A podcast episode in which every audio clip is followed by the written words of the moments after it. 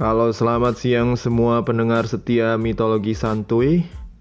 Kembali lagi di episode terbaru dari seri mitologi favorit kalian ini dari si Guru Kelana, pembaca cerita mitologi dengan nada datar dan juga dengan inspirasi dewa. Ha, ha, ha. Anyway, lupakan saja kegilaan yang barusan. Gue baru saja merampok beberapa detik dari waktu hidup kalian untuk mendengarkan ocehan gue yang sia-sia.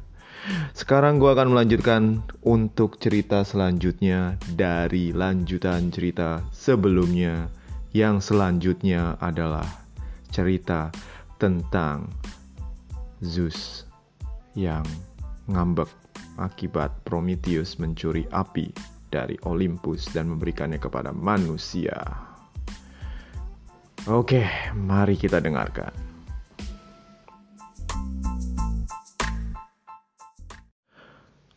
So, di edisi yang lalu, kita tinggalkan Zeus yang sedang ngambek, marah, kesel akibat apinya dicuri oleh Prometheus. Si raja pari, para dewa yang cukup egois dan juga posesif ini kemudian menganggap temannya itu sudah tidak ingin bersahabat dengan dia lagi dan juga menyalahkan semuanya ini kepada manusia yang dia ciptakan bersama dengan Prometheus dan Athena.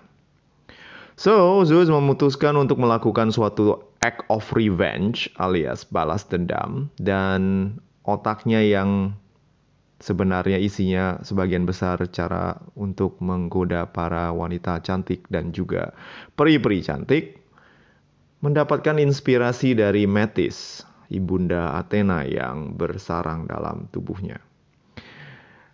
If you wanna do a revenge, you gotta be doing it in an epic scale. So, Zeus memikirkan suatu rencana yang luar biasa suatu rencana yang akan menggegerkan dunia dan mengakibatkan suatu perubahan dahsyat dari kehidupan para manusia dan juga dewa. Suatu rencana yang akan mengakibatkan manusia untuk berubah dan nasib yang telah ditentukan kemudian semua ditulis ulang. Rencana Zeus tersebut mungkin setara dengan rencana untuk menghabisi peradaban dan mengubahnya menjadi baru. Apa itu rencananya? Zeus memutuskan untuk membuat suatu ciptaan baru. Nama ciptaan itu ialah wanita. Iya, wanita. Perlu gue tekankan lagi kalau bumi pada saat ini isinya semua pria. Karena ketika Prometheus meminta Zeus, kenapa kita nggak bikin cowok sama cewek aja bro? Lalu Zeus berkata, kalau lu bikin cewek nanti Hera curiga kalau gue bakal pengen, you know, mm-hmm, deketin manusia-manusia cewek dan lain-lain. Oh. So, Zeus memutuskan untuk membuat satu wanita cantik luar biasa dan dia sengaja datang ke Hephaestus yang di yang salah satu keahliannya adalah membuat senjata, tapi dia juga mampu membuat apa saja asal sesuai orderan. So Zeus meminta Hephaestus, anaknya, anak Hera sebenarnya, untuk menciptakan satu ciptaan berbentuk wanita dengan prototipe dan juga rancangan yang sempurna. So Hephaestus mengambil wujud dari kecantikan dan kegemulayan Aphrodite. Sorry, serak. Kecerdasan dari Athena dan juga seni untuk merawat rumah tangga dari Hera, keahlian dan keluasan berbicara dari Hermes, dan juga berbagai keterampilan yang ditambahkan oleh para dewi-dewi lain seperti Demeter yang mengajarkan cara bercocok tanam, lalu Athena juga mengajarkan bagaimana membuat benda-benda remeh-temeh yang dapat digunakan untuk membantu manusia dalam kebutuhan rumah tangga. Mungkin Athena mengajarkan bagaimana caranya bikin piring atau bagaimana cuci piring, cuci baju dan lain-lainnya. Tanpa bermaksud seksis, tapi masyarakat pada saat itu memang menempatkan wanita dalam tugas rumah tangga seperti yang saya sebutkan barusan. So, perlengkapan ini semua dimiliki oleh wanita pertama yang diciptakan oleh para dewa tersebut. Nama dari perempuan ini adalah Pandora. Nah, tahu dong Pandora. Menurut gue kayaknya everybody knows what Pandora meaning or Pandora's name entails. Rata-rata lu pasti tahu. Oh, kotak Pandora, kotak Pandora. Yes. But apparently, um, gini. Kebanyakan Pandora itu diasosiasikan dengan kotak. Tapi ini sebenarnya kesalahan uh, penerjemahan yang dilakukan oleh Erasmus. Itu loh, salah satu akademisi asal Belanda. Yang waktu itu ketika menerjemahkan cerita ini dari bahasa Yunani ke bahasa Latin, beliau nampaknya salah translate. So, dalam bahasa Yunani, uh, sebenarnya Pandora itu memiliki satu hadiah dari Zeus, yaitu bentuknya seperti kendi, yang dalam bahasa Yunani itu pitos. Tapi diterjemahkan ke dalam bahasa Latin menjadi pixis alias kotak. Dan karena bahasa Latin itu waktu itu menguasai Eropa dan akhirnya yang kita dapat ceritanya sampai sekarang dan juga masuk ke dalam kosakata bahasa Inggris adalah Pandora's Box atau kotak Pandora. Padahal wujud aslinya itu bukan kotak, tapi kendi. Karena pada zaman itu orang Yunani nggak punya kotak, bro. Mereka itu lebih suka pakai kendi, tanah liat yang gampang bikinnya. Nggak pakai kotak.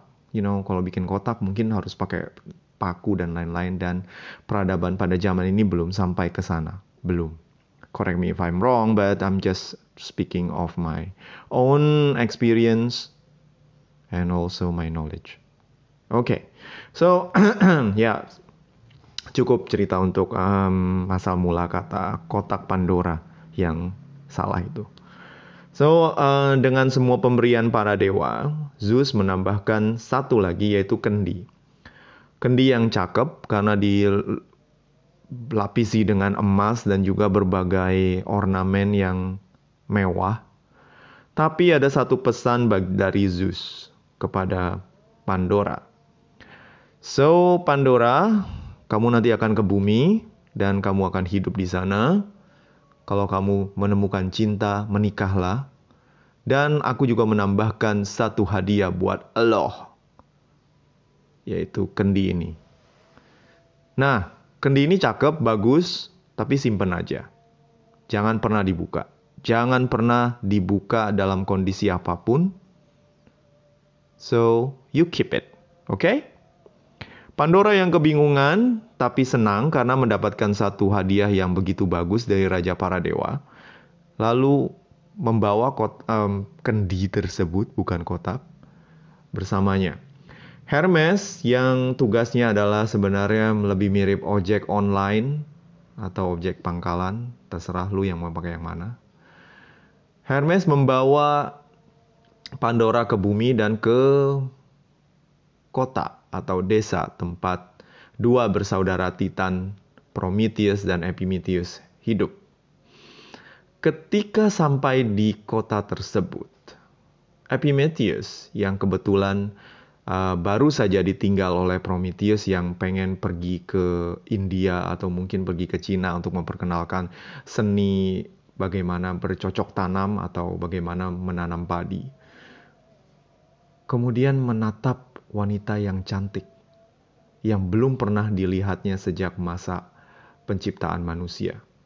Perlu saya ingatkan lagi kalau Epimetheus ini adalah adik dari Prometheus. So, Prometheus artinya berpikir panjang, tapi kalau Epimetheus kebalikan dari Prometheus. Berpikir pendek atau uh, lakuin dulu, mikir belakangan. Nah itulah lebih cocok kok gue bilang masa berpikir pendek. Anyway, um, Epimetheus ketika dia melihat Pandora, dia langsung jatuh cinta dan kemudian membawa Epimetheus, eh oh, membawa Epimetheus, membawa um, Pandora ke rumahnya. Hermes mengatakan kalau dia ingin menitipkan wanita ini, jika Epimetheus suka, ya boleh dinikahi. Epimetheus yang memang tidak banyak pikir, saat itu tiba-tiba teringat akan nasihat kakaknya Prometheus yang sebelum pergi menitipkan uh, pemukiman tersebut kepada Epimetheus dan berkata, uh, bro, uh, gue mau pergi dulu nih, so lu take care of this place ya, lu jangan macem-macem, jangan terima apa pun dari dewa mana pun karena gue yakin ke, uh, adegan gue kemarin nyolong api kayaknya rada-rada piss them off, so uh, mereka pasti bikin suatu tindakan buat balas dendam. Jadi kalau mereka datang ya pelakuin ramah aja tapi kalau mereka nerima apa pun jangan jangan diterima ya. Oke? Okay? Gua feeling gue jelek nih, tapi gue mesti pergi ke Cina ngajarin mereka uh, nanam beras, nanam padi biar mereka bisa cook rice. Oke, okay? gue cabut dulu nih. Namun, sesuai dengan namanya, Epimetheus itu tidak pernah berpikir jauh, tidak pernah berpikir panjang, dan langsung jatuh cinta ketika melihat Pandora. Sadar kalau misalnya Prometheus pulang dan kemudian melihat ada wanita cantik dan diantarkan oleh Hermes, dia beranggapan bahwa kakaknya tidak akan setuju dengan pernikahan ini. So, untuk mendahului Prometheus, Epimetheus tiba-tiba langsung menyatakan cintanya kepada Pandora dan Pandora yang belum pernah melihat seorang titan dengan otot yang luar biasa seperti Epimetheus dan juga kegantengannya yang luar biasa dibandingkan para dewa yang lain. Ya kebetulan Epimetheus juga ganteng seperti Prometheus. So, dia memutuskan untuk menerima cinta dari titan ini dan mereka berdua lalu menikah. Sementara mereka menikah, Epimetheus terus hidup sebagai suami yang baik. Demikian pula Pandora. Pandora menyiapkan makanan untuk Epimetheus. Dia juga dengan segala skill yang dia punya berusaha untuk menjadi seorang ibu rumah tangga yang baik dan mengajarkan para manusia bagaimana caranya bercocok tanam, bagaimana merawat rumah dan juga bagaimana um, mengobati diri sendiri ketika mengalami sakit perut akibat you know makan gak cuci tangan atau something. Anyway, um, tiba-tiba Pandora yang juga dibekali dengan rasa ingin tahu atau rasa iseng dari Hermes, kemudian teringat kalau dia memiliki satu pemberian dari Zeus yang belum pernah dia buka, yaitu kendi Pandora. Aneh ya, sebutnya kendi sekarang. So, ketika dia mau buka, dia teringat lagi nasihat Zeus. Jangan pernah dibuka. Karena rasa keponya, dia terus memeluk kendi tersebut. Penasaran, ada apa sih sebenarnya di dalam? Dia berasa kalau ini pemberian dari para dewa, apalagi dari Raja Dewa. Pasti dalamnya sesuatu yang luar biasa dan pasti keren banget. Gue pengen buka, tapi aduh gue dibilang jangan buka.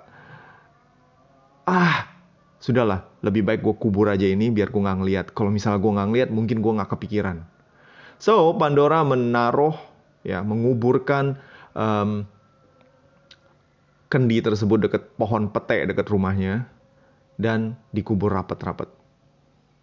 Berharap nggak melihat lagi sehingga dia nggak kepikiran lagi. Lalu Pandora menjalani hidupnya dengan tenang. Namun hari demi hari dirinya pun selalu menatap kepada lubang yang tadinya digali untuk menaruh kendi tersebut. Tatapannya menatap kepada pohon pete yang kemudian tumbuh besar. Dan bukan petenya yang dia paling pikirkan sebenarnya adalah kendinya. Aduh gue pengen banget buka itu kendi. Gue pengen ngeliat ada apa sih di dalamnya. Gue pengen buka biar gue tahu apa dalamnya. Rasa ingin tahu ini membunuhku. Begitulah perasaan dari Pandora. Apa yang harus saya lakukan? Ah gue bisa gila Epimetheus yang pulang dari sawah lalu menatap istrinya yang seperti sedang mengeden-ngeden. Lu kenapa? Enggak. Oh.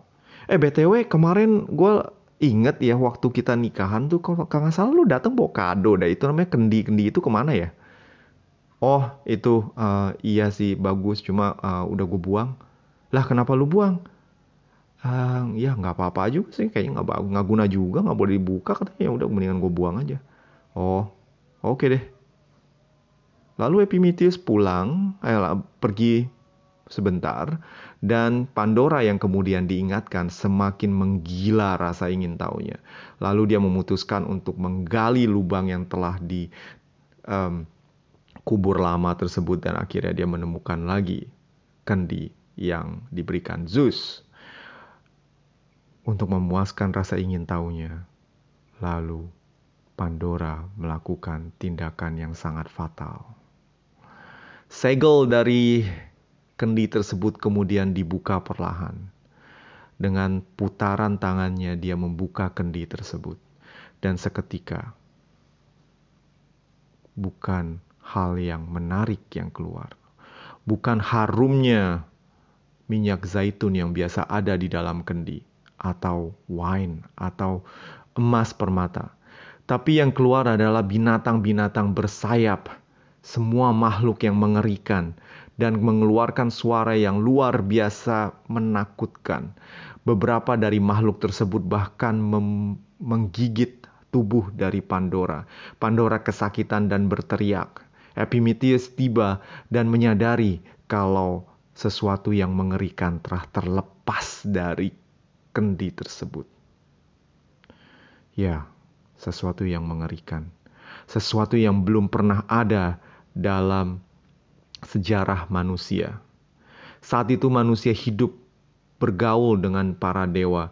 Tidak pernah ada penyakit, tidak pernah ada hal yang negatif, tidak pernah ada kejahatan dan lain-lain.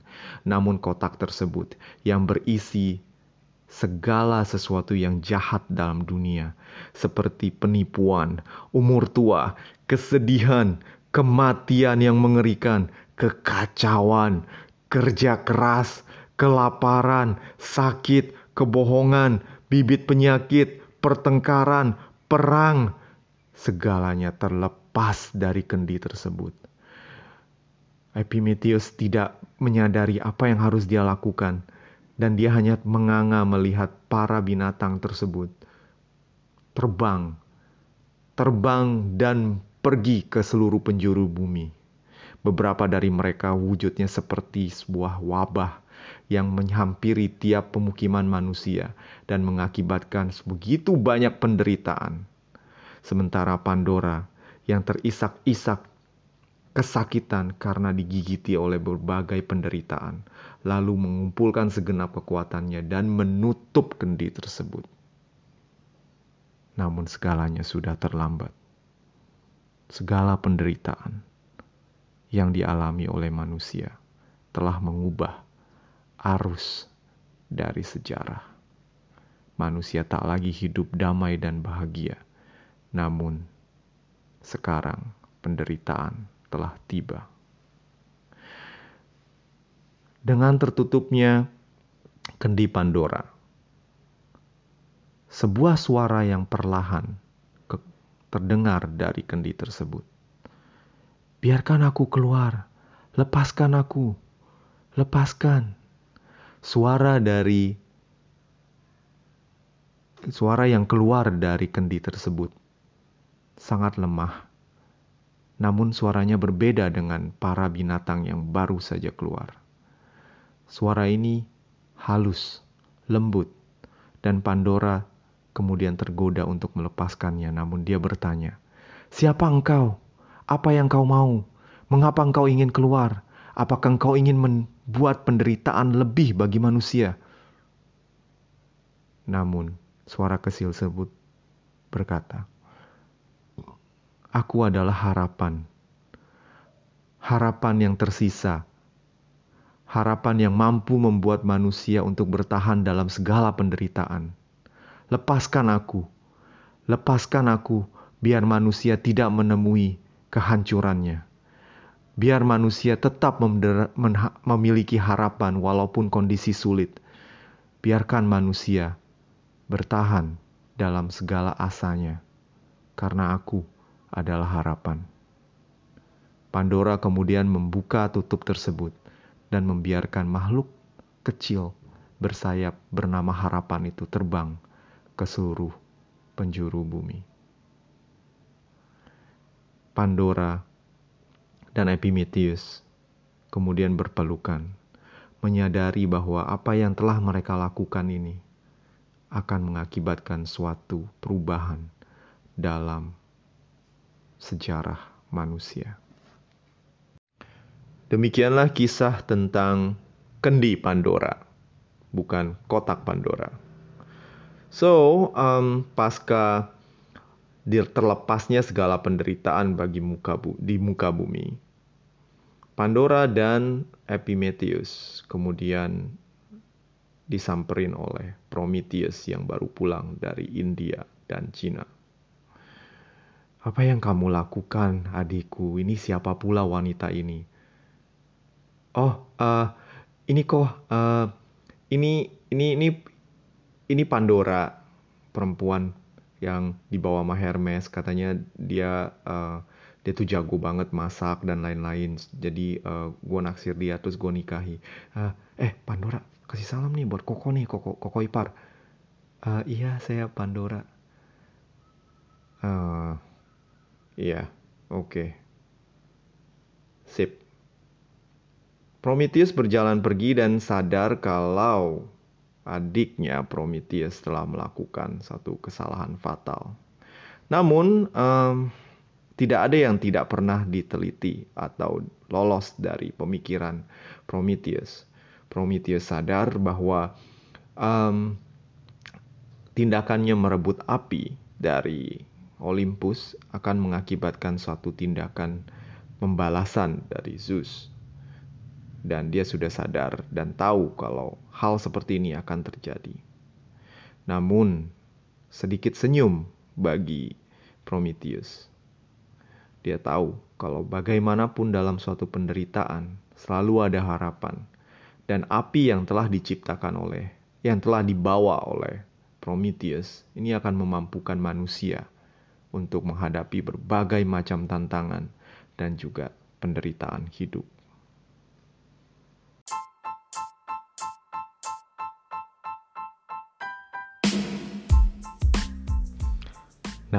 Pertanyaannya adalah apakah pembalasan dari Zeus hanya sampai di sini? Apakah Zeus cukup puas tersenyum melihat manusia menderita akibat ulah dari keingintahuan Pandora? Apakah cukup manusia menderita dan kemudian Zeus puas? Apakah Zeus akan menghukum Prometheus? Ataukah segalanya ini sudah selesai dan manusia bisa hidup damai lagi dengan para dewa. Pertanyaan-pertanyaan ini akan saya bahas di episode selanjutnya dari mitologi santuy. Hahaha. Oke, demikianlah cerita tentang Pandora dan kendinya.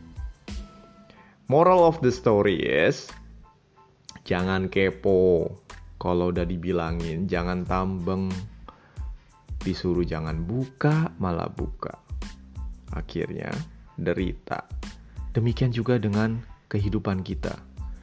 Ketika kita menghadapi suatu uh, masalah atau suatu kepercayaan dari seseorang untuk tidak membuka suatu rahasia, mestinya kita jangan.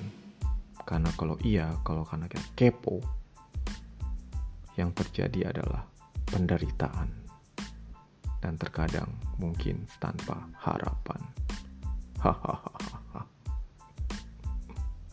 okay guys, see you uh, in the next episode. Bye.